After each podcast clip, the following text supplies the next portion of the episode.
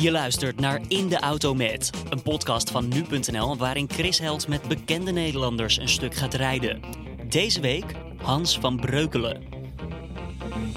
Wij gaan hier in het prachtige. Is het Zeist? Wat is Ja. dat? Is de... Het is gemeente Zeist. Ja, Mensen- hou het daar maar op. Prachtig is het hier. Ik reed hierheen en ik dacht van, wat moet ik doen om hier te komen, om hier te komen wonen? wat doen de mensen hier zo al? Een beetje gemiddeld? Ehm, ja, ik denk wel dat... eh, Selfmade? eh, ja, veelal. Mhm. Mensen op, met hele hoge functies, denk ik, in het bedrijfsleven ook. In organisaties. Maar de buurman bijvoorbeeld is een, een oud leraar Duits. Dat is ook wel wat grappig. Dus Ja. nee, dat. ehm, en ik ben eh 4,5 jaar geleden ingetrokken bij mijn huidige vrouw. Ik heb eh, 30 jaar in Brabant gewoond, in Ja. Leende. En nadat mijn, eh, mijn vrouw eh, overleden Ja. is, heb ik Carolijn opnieuw eh, leren kennen. Want die heb ik ooit mee in de klas gezeten op de Pedagogische Academie, ook in Zeist.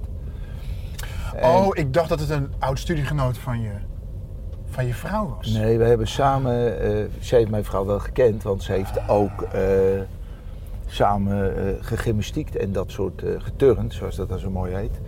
Eh, maar toen ik op de Pedagogische Academie zat, toen had ik al volop verkering met Karen, waar ik later mee getrouwd ben. En, eh, en nadat Karen is overleden, heb ik weer contact eh, gekregen met Carolijn. Ja, toen sloeg er wel een vonk over. En zodoende dat ben is ik wel een rare situatie hè, voor buitenstaanders.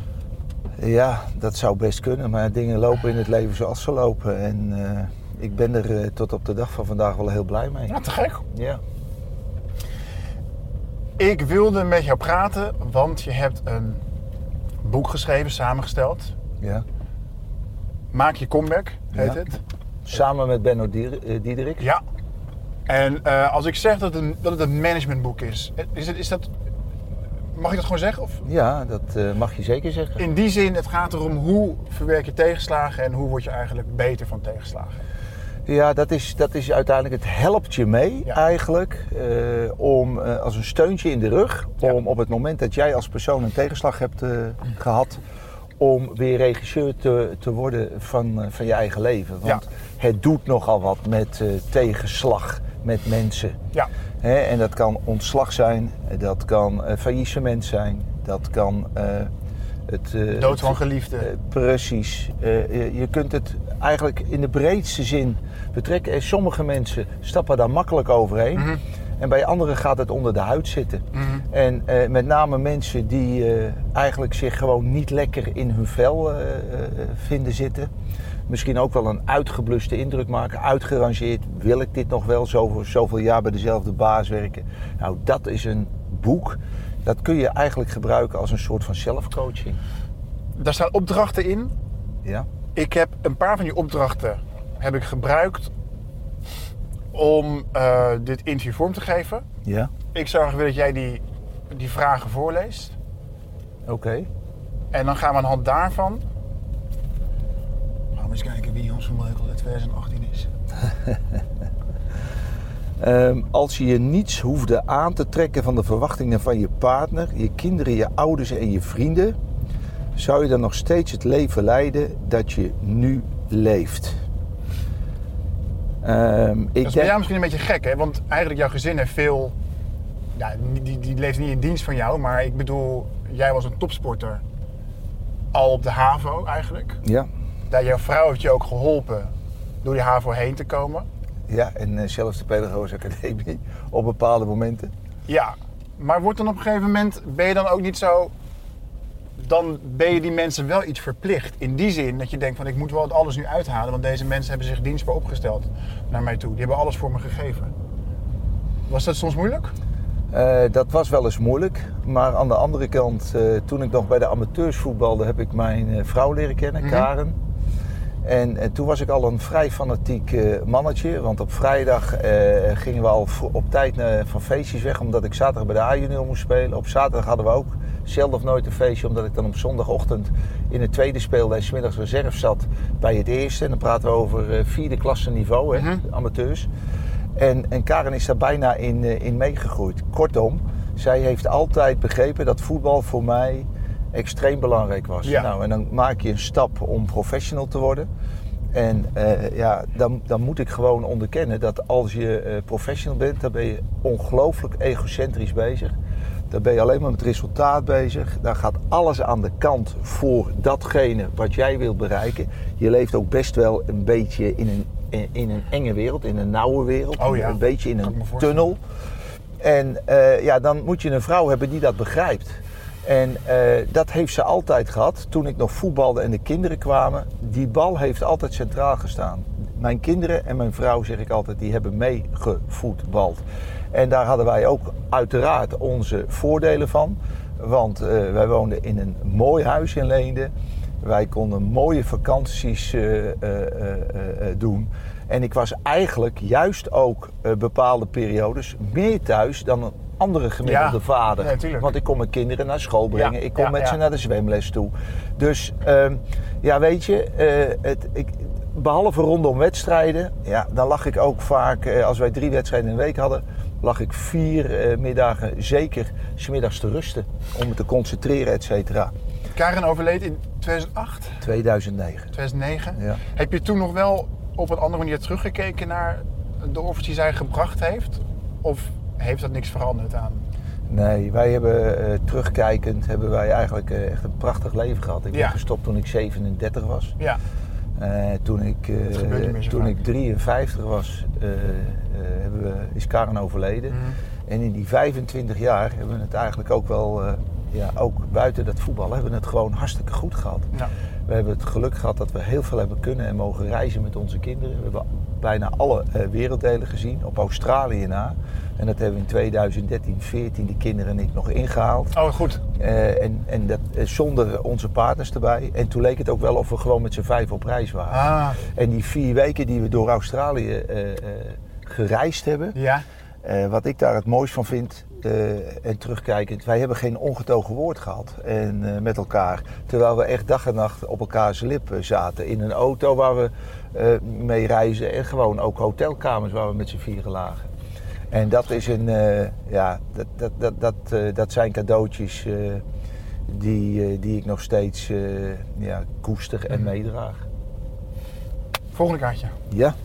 Sorry dat ik het erop... Nee, geeft niet. Zijn er mensen met wie je graag meer tijd had willen doorbrengen? Ehm, ja, Eh, mijn vader. Eh, mijn vader is 89 geworden.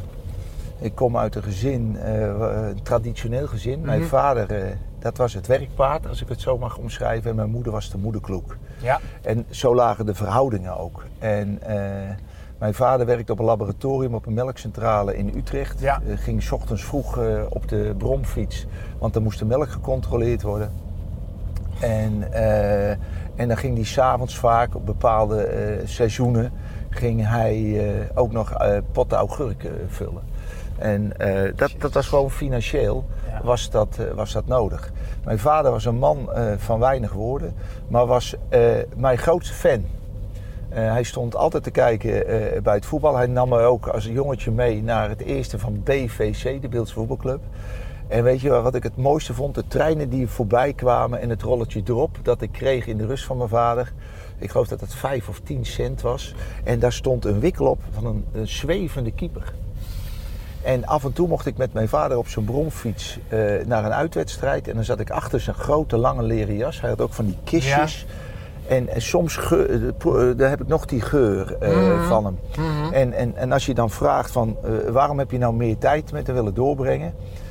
Eigenlijk, omdat mede mijn vader geen prater was, wil ik, had ik eigenlijk wel meer van hem willen weten. Hoe hij in het leven stond.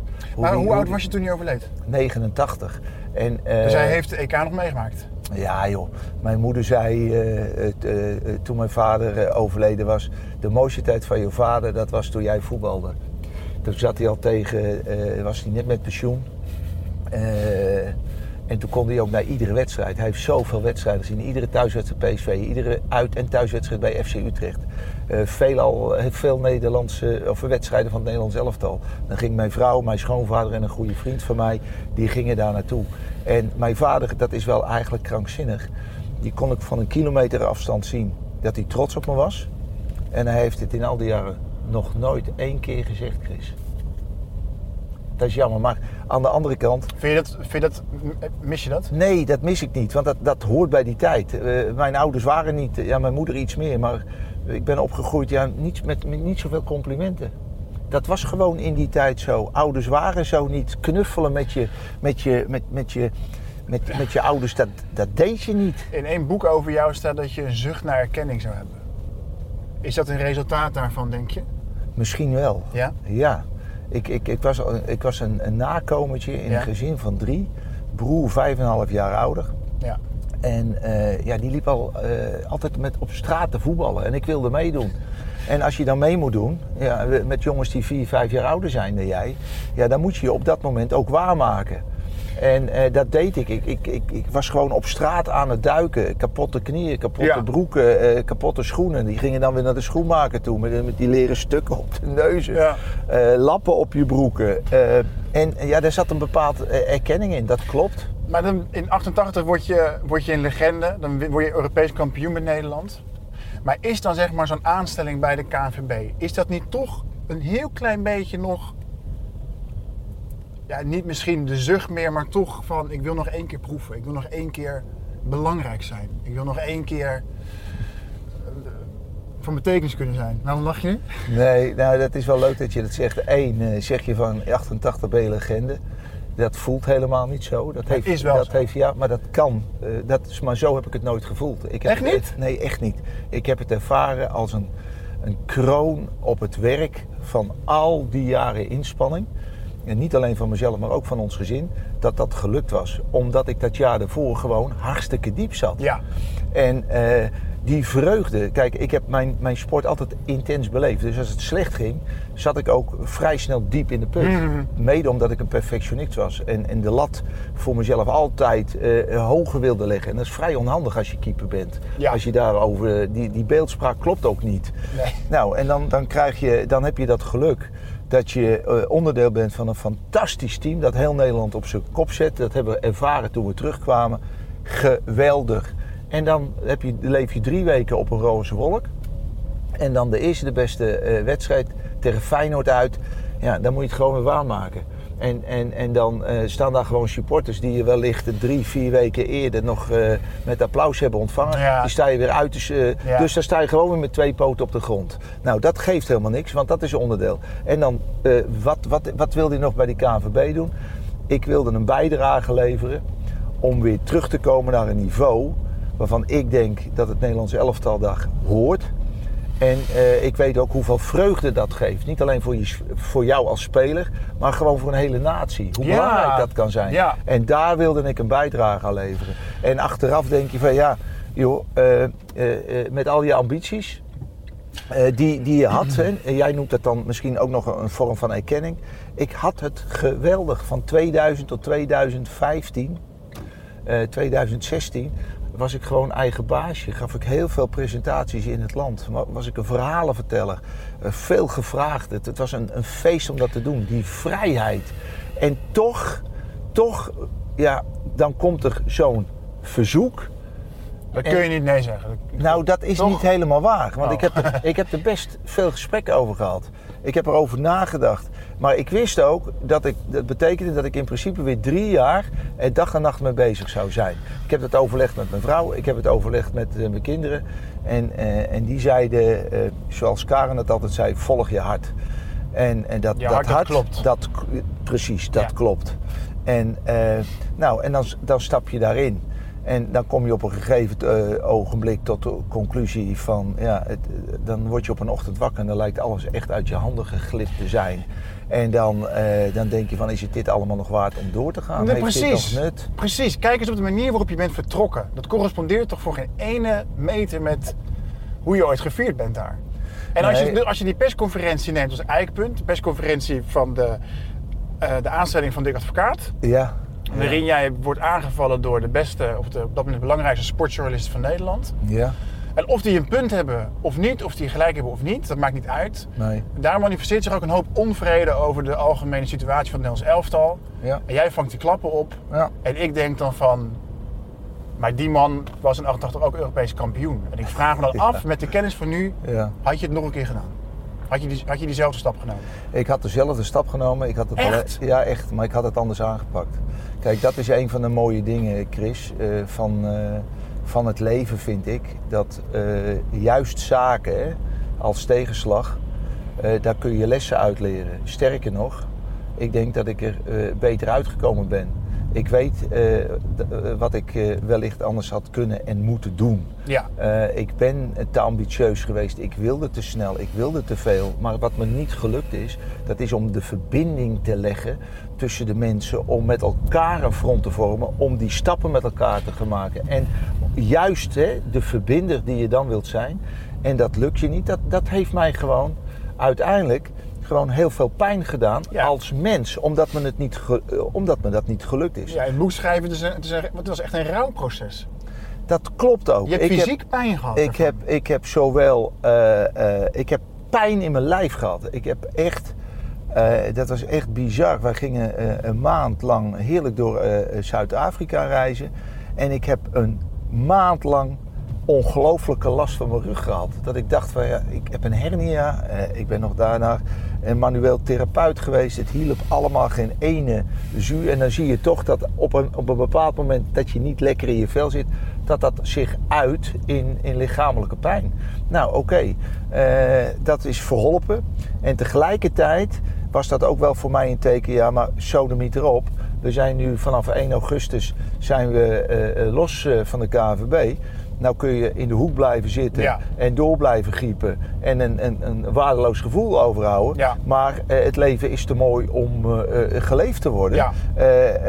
Je, gaat, je gaat jezelf aanpakken. En tegelijkertijd liep ik toen tegen die Benno aan. En die Benno, die kende ik al vanuit een, van eerder. Dat is een coach. En die zei tegen mij, Hans, ik heb een comeback methode ontwikkeld. En toen zei ik, comeback methode, comeback methode. Dat zijn mensen die een tegenslag hebben Ja. ervaren om dan te kijken welke stappen ze weer kunnen maken om weer in hun kracht te komen. Om weer regisseur te worden van hun eigen leven. Toen heb ik letterlijk tegen hem gezegd, pas ze maar op mij toe. Nou, pas hem eens toe dan. Pak eens een, een, een nieuwe vraag. Pas een, eh, nieuwe vraag. Oké. Eh, wanneer heb je het laatst gesproken over jouw echte gevoelens? Ja, nu. Ja, weten Toch? de mensen in je naaste omgeving wat er in je omgaat? Dat weten mijn mensen in mijn omgeving heel goed. Ja? Ja. Altijd zo geweest? Ja, ik ben over het algemeen wel een, eh, een open boek geweest. En, en toch, en dat is ook wel grappig, ik heb altijd wel, eh, behalve naar mijn eh, vrouw en kinderen, ik heb altijd wel toch een bepaalde reserve naar anderen toe. Dan, dan, dan laat ik mijn echte innerlijke roezelen, daar hou ik, die hou ik dan echt eh, voor, voor echt de mensen die echt heel dicht bij me staan. Mijn overleden vrouw, Carolijn, mijn huidige vrouw, en, en mijn kinderen en een paar hele goede vrienden. Die kennen mij, denk ik, eh, het, eh, het best. Was jij niet... Ben je niet gewoon altijd veel te soft geweest voor de voetballerij? Dat, eh, Toch? Ik denk als ik voetballer was geweest, was ik Ja. zoals jou geweest. Ja, maar weet je... Voor de ene kant misschien wel een sportende proleet. En voor de andere kant een, een linkse intellectueel. Of een... Of een Ja, weet je, da- dan moet je vooral semi-intellectueel zeggen. Nee, maar weet je, Nou, het, mij- weet je, nee, maar weet je, voor mij Chris, ik ben wie ik ben.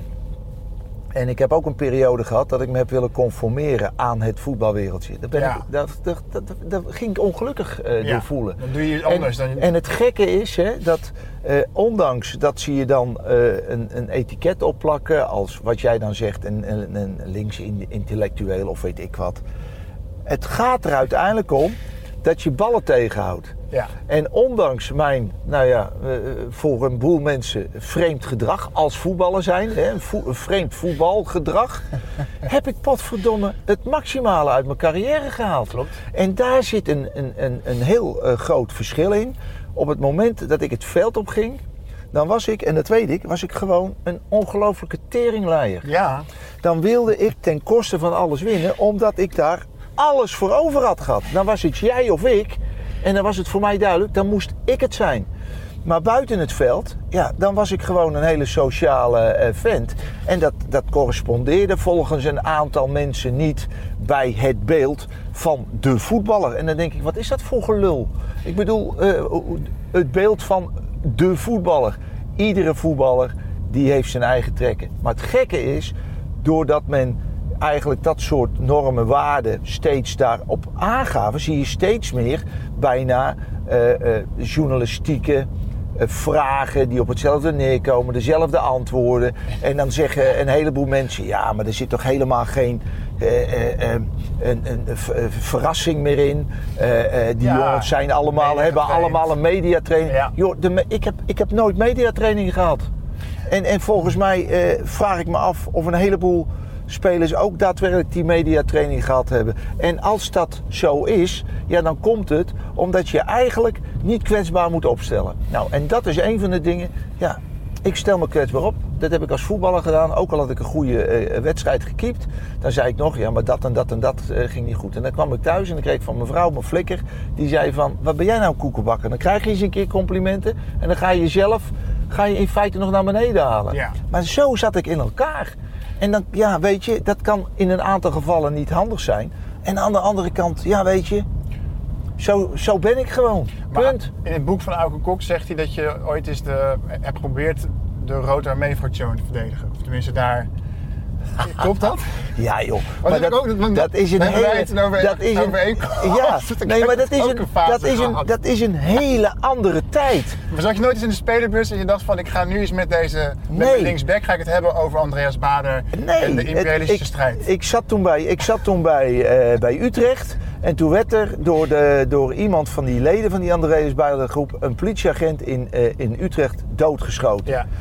En toen was de tendens in het, eh, in het kleedlokaal eh, zoiets van... eh, die gasten dit en gasten dat, die moeten ze gelijk eh, afmaken en weet ik wat. En toen zei ik, maar weet jij ook waarom ze deze actiegroep hebben? Om in protest te komen tegen, nou, et cetera. Ja, nou ja, toen was ik de gebeten hond. En ik trachtte alleen maar eh, erachter te komen van... joh, het is wel heel makkelijk om eh, te zeggen... joh, boem, boem, boem, boem. Maar waarom doen mensen dingen waarom ze doen? Wil niet zeggen dat ik het goed praat... dat iemand een politieagent neerklapt. Nee. Want je blijft van elkaars spullen en van elkaars lijf af. Ik bedoel, ik vind het verschrikkelijk dat Nou, mensen... dat was voor de halve finale tegen Duitsland niet van toepassing, Hans, wat je nu zegt. Ja, ja, dat was over het randje. Dat was over het randje. Maar dat paste ook op dat moment Tuurlijk. ook weer bij mij. Ja. En, eh, en, en die nuance die, eh, die ik tracht buiten het veld te hebben, voor mezelf en naar anderen toe, die heb ik op het veld niet. Maar dan, ja. eh, en Deed je het ook om het, om, om, het, om, het, om het te compenseren? Deed je dat misschien ook wel? Oeh, op. Dat je dacht Nee. van ik moet eigenlijk nu het beeld dat mensen van mij hebben op basis van mijn prestatie op het veld. Totaal niet. Nee, totaal niet. Nee. Nee, ik wist gewoon, kijk, ik, m- maar luister, ik ben een sportman. En ik heb altijd, eh, ben perfectionistisch geweest. Dat is ook tegelijkertijd wel een- bijna mijn valkuil geweest. Ehm, ik, en, en, en ja, als ik dat veld opging, dan wilde ik gewoon ten koste van alles gewoon winnen. Ja. En daar ben ik wel eens over eh, de schreef gegaan. Ja. Van fouten maken word je een leuke mens. Staat in het boek. Ja, dat klopt. Dat klopt. Maar welke fout in je leven was jou het kostbaarst? Zo. Heb de- je iemand on- onherstelbaar beschadigd? Behalve Lothar Matthäus? Ja, het gekke is dat ik Lothar Matthäus eh na dat EK eh, bij de ISPO, dat is een, eh, de grootste sportbeurs Ja. in Europa, in Ja. München, drie maanden of vier maanden later tegenkwam. En eh, ja, wij hebben heel leuk met elkaar zitten lunchen. We hebben heel leuk met elkaar zitten praten. En eh, ik, ik had juist het idee dat Lothar precies begreep eh, wat er in mij omging. Omdat hij blijkbaar over zo'nzelfde eh, aantal genen eh, beschikte of beschikte. Eh, en dat, dat, dat, dat, vond ik, dat vond ik zelf nog het, eh, het, het, het bijzondere. Want ik dacht van ja, hij zal me wel op een bepaalde wijze bejegenen. Maar dat, dat hij was flikte dus- hier nog wel een kunstje door te zeggen van dat je iets heel anders had geroepen. Ja, dat wel. anti- maar dat bedoel- was, dat was eh, anderhalf, twee jaar later. Ah, hè? Dat was voor het WK. Ja. Maar als je zegt van, ja, welke fout in je leven was het kostbaarst? Ja, dat is dan toch misschien eh, wel eh, de fout eh, dat ik toch het idee had dat ik mensen zou moeten veranderen. En, en dat mijn vrouw in 87 toen voor me is komen staan en zegt van joh, waar ben je nou in godsnaam mee bezig? Eh, ik was Je bedoelt toen je gepasseerd werd als... ik was Nederlands elftal uitgezet in Ja. 87. Ja. Ik werd achterna gezeten door de Nederlandse pers. Omdat Stanley Menzo volgens Cruijff in eh, Oranje moest, omdat hij beter mee kon voetballen. Ja. dat klopte. Maar ik was keeper geworden omdat ik niet kon voetballen. En het gekke, door die druk ging ik ook dingen doen waar ik niet goed in was. Ging ik nog meer fouten maken, kreeg ik nog meer kritiek.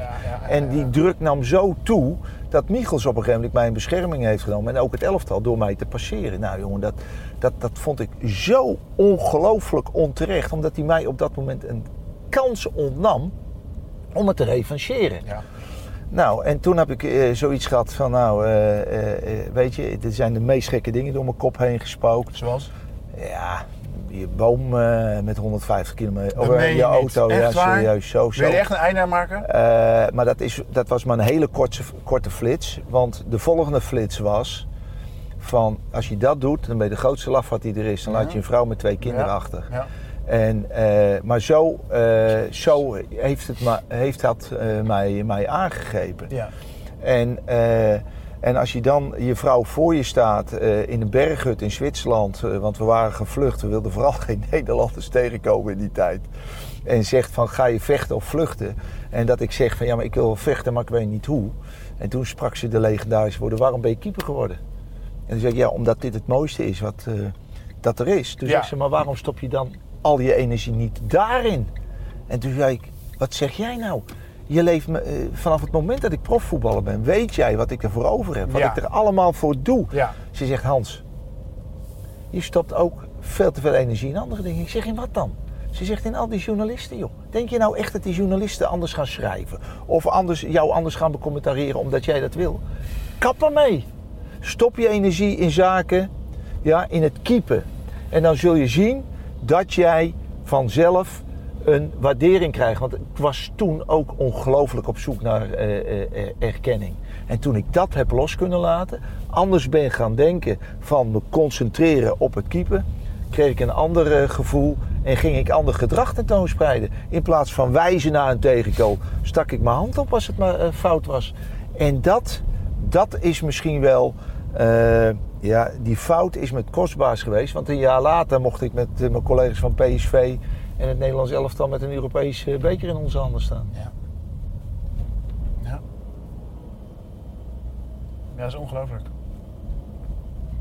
Ja, hoe dat kan draaien. Dat en, en, maar, maar dat is nou precies hetgene waar, waar ik in, in geloof, ook met dat boek. Omdat uh, een tegenslag wil nog niet zeggen dat dat het einde uh, van uh, je leven hoeft te zijn. Of van een leuke periode. Of dat je dat voor de rest van je leven mee moet dragen. Het biedt een kans. Alleen je hebt af en toe wel eens een steuntje in je rug nodig. Zoals ik dat met mijn vrouw heb gehad. Zoals ik dat na de periode de KVB van mijn vrouw, mijn kinderen.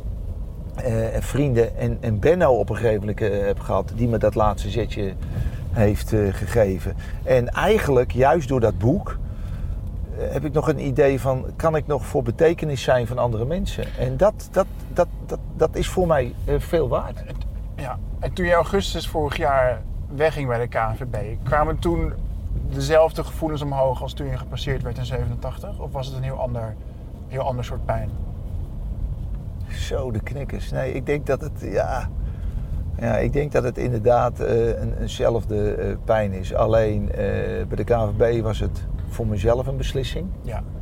En bij het Nederlands elftal was ik dus echt daarnaast gezet. Ja. En, maar tegelijkertijd voelde het wel bij de KVB wel als een nederlaag hoor. Terwijl het ook een opluchting voor me was. Beschrijf eens kort de week nadat, nadat je bent vertrokken bij de KVB. Heb je daar, hoe zat je erbij? Nee, ik was uh, met een, een geweldig gevoel bij de KNVB vertrokken. Ja. Omdat de Oranje Leeuwinnen uh, uh, Europees kampioen geworden zijn.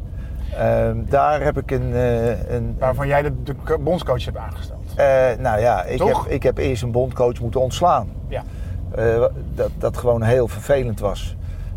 en naar aanleiding van gesprekken met met name ook de speelsters Minke Boy en uh, Dirk, uh, Jan Dirk van de Zee. Uh, Jan Dirk van de Zee. Dirk Jan van de Jan Dirk. Jan Dirk. Ja, Dirk. Van nee, Jan Dirk van de Zee. Ik haal dat altijd door elkaar. Sorry, Jan Dirk. Dirk Jan. Dirk, ja. Dat, eh, ja, ik heb op een gegeven moment opgebeld. eh, en dat was in december. Jongens, we hebben een probleem. We hebben een nieuwe bondscoach nodig voor eh, de Oranje Leeuwinnen. Dat was me vrij duidelijk. En eh, nou, toen hebben we eh, Sarina aangesteld.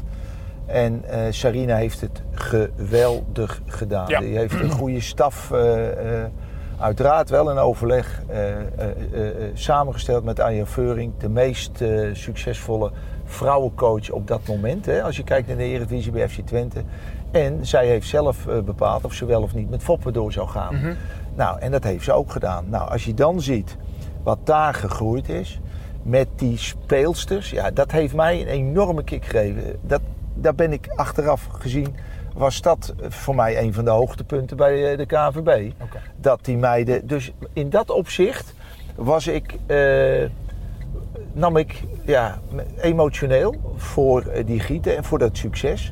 Eh, maar wel met een ontzettend blij gevoel nam ik eh, afscheid eh, Ja. op dat moment. Maar de periode daarvoor, dat was anders. Kijk, eh, eh, je komt dan in een fase dat je, eh, dan heb je een, eh, een soort van, je wil vechten, maar dat heeft geen nut. Twee, je wilt vluchten. Nou, dat, dat, dat, dat lost eigenlijk niks op. Nee. En je gaat dingen vermijden. Dat lost, Wat ook, bijvoorbeeld? dat lost ook niks op. Nou ja, hoe bedoel je? Wat ging je vermijden? Nou, bijvoorbeeld eh, eh, bepaalde contacten eh, nog in de voetballerij zoeken. Mhm. Eh, ik ben nogal vrij eh, duidelijk voor mezelf. Op het moment dat ik ergens afscheid neem, neem ik afscheid. Ja. En dan, eh, ja, dan heb ik er een streep onder gezet en dan ga ik gewoon richten op de toekomst. Dan, dan kijk ik nog een paar keer overheen van oké, wat eh, over mijn schouder heen terug van wat heb ik geleerd. En dan ben ik iemand die vooral vooruit wil kijken. En dat, dat is voor mij eh, ja, hoe, ik in het, eh, hoe ik in het leven sta. Ja, maar, ja, en maar dat, dat vind ik eh, prettig. En daarom kunnen we wel weer eh, allerlei dingen eh, eh, ophalen over die, die periode van de KVB. Dat, maar dat heb ik je net al gezegd, daar ga ik niet individueel op in. nee, dat hoef ik niet Het is, voor mij, het is voor mij heel simpel dat ik, hè, dat, dat, nogmaals kort gezegd, ik ben te ambitieus wellicht begonnen. Ik wilde te veel, te snel in bepaalde eh, tijd. En ik heb niet de verbinding kunnen maken die in mijn ogen nodig is om met elkaar die Nee. stappen te maken. Nou oké, en daar ben ik voor verantwoordelijk. En als ik dan keihard ben naar mezelf, dan voelt het als een nederlaag en ben ik verantwoordelijk. En door de, na een inzicht, na een bepaalde periode, kwam toch, eh, nadat ik mijn collega's op de hoogte had gesteld, toch iedere keer weer die opmerking terug van een van de directieleden. Dat hij zei, Hans, jij bent op een onmogelijk moment een in een onmogelijke klus. onmogelijke job eh, begonnen. Ja. En dan eh, krijg je, creëer je voor jezelf, hè, Ja. creëer een bepaalde mildheid. En nogmaals, ik hou niet van excuses, maar het heeft wel ook een klein beetje te maken met de nou, situatie die dat was. Maar Nee, nogmaals, ik ben verantwoordelijk. voor mijn daden hè, en daar loop ik niet voor weg. Wij belden deze week eerder Ja, en toen vertelde je over je boekpresentatie. ja, En op diezelfde dag speelde het Nederland gelijk tegen Duitsland en werd het groepswinnaar in een onmogelijke pool. ja. Dat is wel op zijn zachtst gezegd ironisch. Nee, ik vond het fantastisch. Ik zou je zeggen, als je, als je nou Zeggen, iemand... Sinds Hans weg is, Nee, gaat Oranje omhoog. Eh, Ja, maar goed. Het, het mooie is dat eh, ik denk dat dat jaar dat ik daar gezeten heb, ook de KVB heel veel heeft geleerd over die functie die ik heb eh, vervuld. Hè, die is in verschillende functies opgedeeld. Eh, Nico Jan die heeft een heel duidelijk eh, eh, een, een, gericht zich op de prestatieelftallen. En eh, Art Langerer richt zich veel meer op de, de, op, de opleiding. Maar het klinkt wel een beetje alsof, je, alsof ik, als ik een keer een, rampzalige relatie heb gehad met een meisje. En daarna vindt ze haar toekomstige echtgenoot. En dan zegt ze tegen mij van ja, maar onze relatie was ook goed. Want door jou heb ik geleerd wat ik, wat ik niet zoek Ja, in, maar weet je, ik in, in, die, in die, ja, dat zou kunnen. Het is flauw. Nee, nee, dat, is- nee maar het, het, het- kijk, ik geloof heilig dat eh, heden alles te maken heeft met verleden Ja. en ook met de toekomst. En eh, ja, soms denk ik wel eens, weet je, in een gekke bui, eigenlijk is dat jaar best wel goed geweest. Het was een hele onrustige periode. Er zijn een heleboel dingen eh, verkeerd gegaan. Maar ook de, de KNVB heeft daar eh, zijn lessen uitgetrokken. Nou, dan denk ik van ja, dan is het toch wel, eh, dan is het toch ook wel wat waard geweest. Ja. ja. En dat is uit de mildheid die ik dan naar mezelf toe eh, uit. En En als ik, je, als ik het boek lees, Ja. dan geloof ik ook echt dat hier iemand bezig is met een comeback-proces. Dat iemand gewoon doorheeft hoe je van tegenslagen iets positiefs kan maken. Maar wat dan weer die hele theorie onderuit haalt, is het zinnetje van jou in het boek: voetbal is een gepasseerd station. En dat vond ik toch jammer, want dat betekent dan toch. Dat heeft je dus kennelijk toch al zoveel pijn gedaan, die wereld, dat je daar gewoon niks meer mee te maken hebben. Ja, het leuke is... Ja, nou, dat... En dat- dat je niet kracht hebt gevonden om daar op een andere manier iets mee te willen doen. Nee, maar dan even voor alle duidelijkheid, hè, dat, dat zeg ik op dit moment. Omdat, eh, en dat heb ik ook in 2000 gezegd, toen ik bij FC Utrecht wegging. Toen heb ik gezegd, ik ga nooit meer fulltime de, de voetballerij in. Omdat ik dan toch tegen dingen aanloop die niet helemaal blijkbaar bij, eh, ja, bij mijn ideeën en gedachten eh, aansluiten. En toch heb ik me weer laten verleiden in 2016. Kan dat En- nog een keer gebeuren? Nee, dat denk ik niet meer. Dat denk ik niet meer. Want ik ben nu echt voor mijn gevoel lekker bezig met eh, de dingen die ik eh, weer eh, ja, hartstikke leuk vind. Ik krijg weer ongelooflijk veel energie. En dat was wel even weg. Dat je na zo'n fase, dan word je een beetje lusteloos. Dan heb je geen doelen meer. En ja, als ex-doelman is een doelloos leven niks. Ben ik tot de ont- ontdekking gekomen. En ja, dan ga je toch weer op zoek naar wie je echt bent. En, en wat je leuk vindt. En wat je nog wilt. En wat je nog kunt. Ja, en dan, eh, ja, dan, dan kom je ook op een stap. Hè. Dan, dan ben je zo ver hè, in dat proces. En dan kom je bij je durven aan. En, en durf je dan nog één keer eh, weer met je kop boven het maaiveld uit te komen, een boek, wetende dat daar gewoon weer vanuit verschillende eh, richtingen kritiek op komt. Of kritiek, een mening, een, een oordeel. En toen dacht ik van ja, weet je, eh, dat maakt mij niet uit, want ik geloof in de dingen die ik doe en wat ik nog wil doen. En ja, dat omschrijf ik ook in het boek. Eh, je hebt twee eh typen mensen. Je hebt de, de nadenkers, noem ik dat maar. Dat zijn mensen die eh, volop in het leven staan, die hun twijfels kennen, die het leven ervaren met, met ups en met downs, maar die zich ook kwetsbaar durven op te stellen. En daar heb ik dat boek voor geschreven. En niet voor de groep, wat ik noem, ja, de, de meninggevers, de beoordelaars. Die Nee. mensen, groepen op een bepaalde manier neerzetten. Waarvan ik denk, nou, Ja. eh, weet je, iedereen de maat nemen. Bijvoorbeeld Johan Derksen, die voordat je überhaupt je eerste lunch bij de KNVB hebt genuttigd, zegt je, bent, je wordt een ramp voor het Nederlands voetbal. Ja, dat heb Maar ik dat, is, nooit. dat overstijgt dan al Dat bijna satire, ik- toch? dat heb Ja, maar ik- je lacht er nu om. Maar, Nee, maar dat kan ik. Nee, maar ik lach er nog steeds om. Dat, dan, dan komt er bij mij een verwondering naar boven. En ja, dat, moet je luisteren. Als je over beoordeeld eh, praat en jij noemt die naam, dan is dat voor mij de, misschien wel de beste eh, beoordelaar die we in Nederland hebben. En, en ook wel de, de meest succesvolle. Nou, oké, dat, is, eh, dat, dat is zijn positie. Nou, en dat moet hij doen. Maar dat is dan voor mij toch niet de norm waar ik me, of een criterium waar ik me eh, aan zou moeten. eh, Tuurlijk niet. Tuurlijk niet. Maar het doet, het doet pijn. Nee, het doet mij geen pijn. Heeft het ook Het nooit... gekke is, nee, het gekke is dat ik in 87, toen ik eh, ook zo onder druk stond en waarin ook allerlei dingen over mij gezegd en geschreven werden, toen deed het posters, veel en veel en veel en veel en veel meer Ja. dan het afgelopen jaar. Of het in 2000, eh, dat jaar bij de KNVB. Dat was voor mij een soort van déjà vu. Ja. Waar ik alleen eh, later pas veel en veel en veel meer achter kwam. Dat het mijn vrouw, mijn kinderen en echte vrienden zo ongelooflijk veel pijn heeft, Ja. eh, heeft gedaan.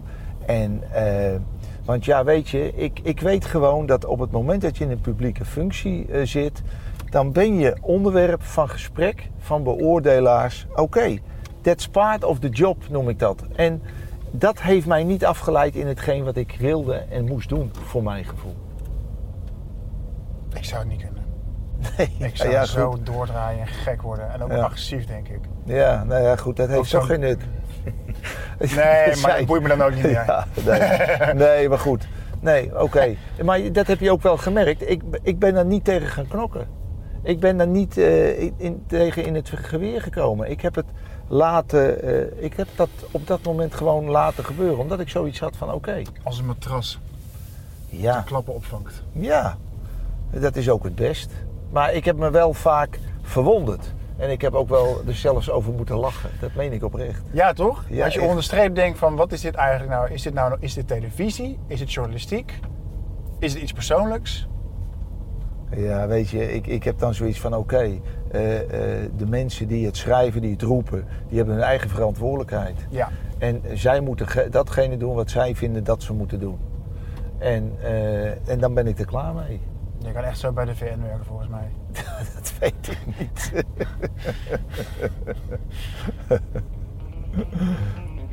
We zijn er weer. Je luisterde naar In de Auto Met, een podcast van nu.nl.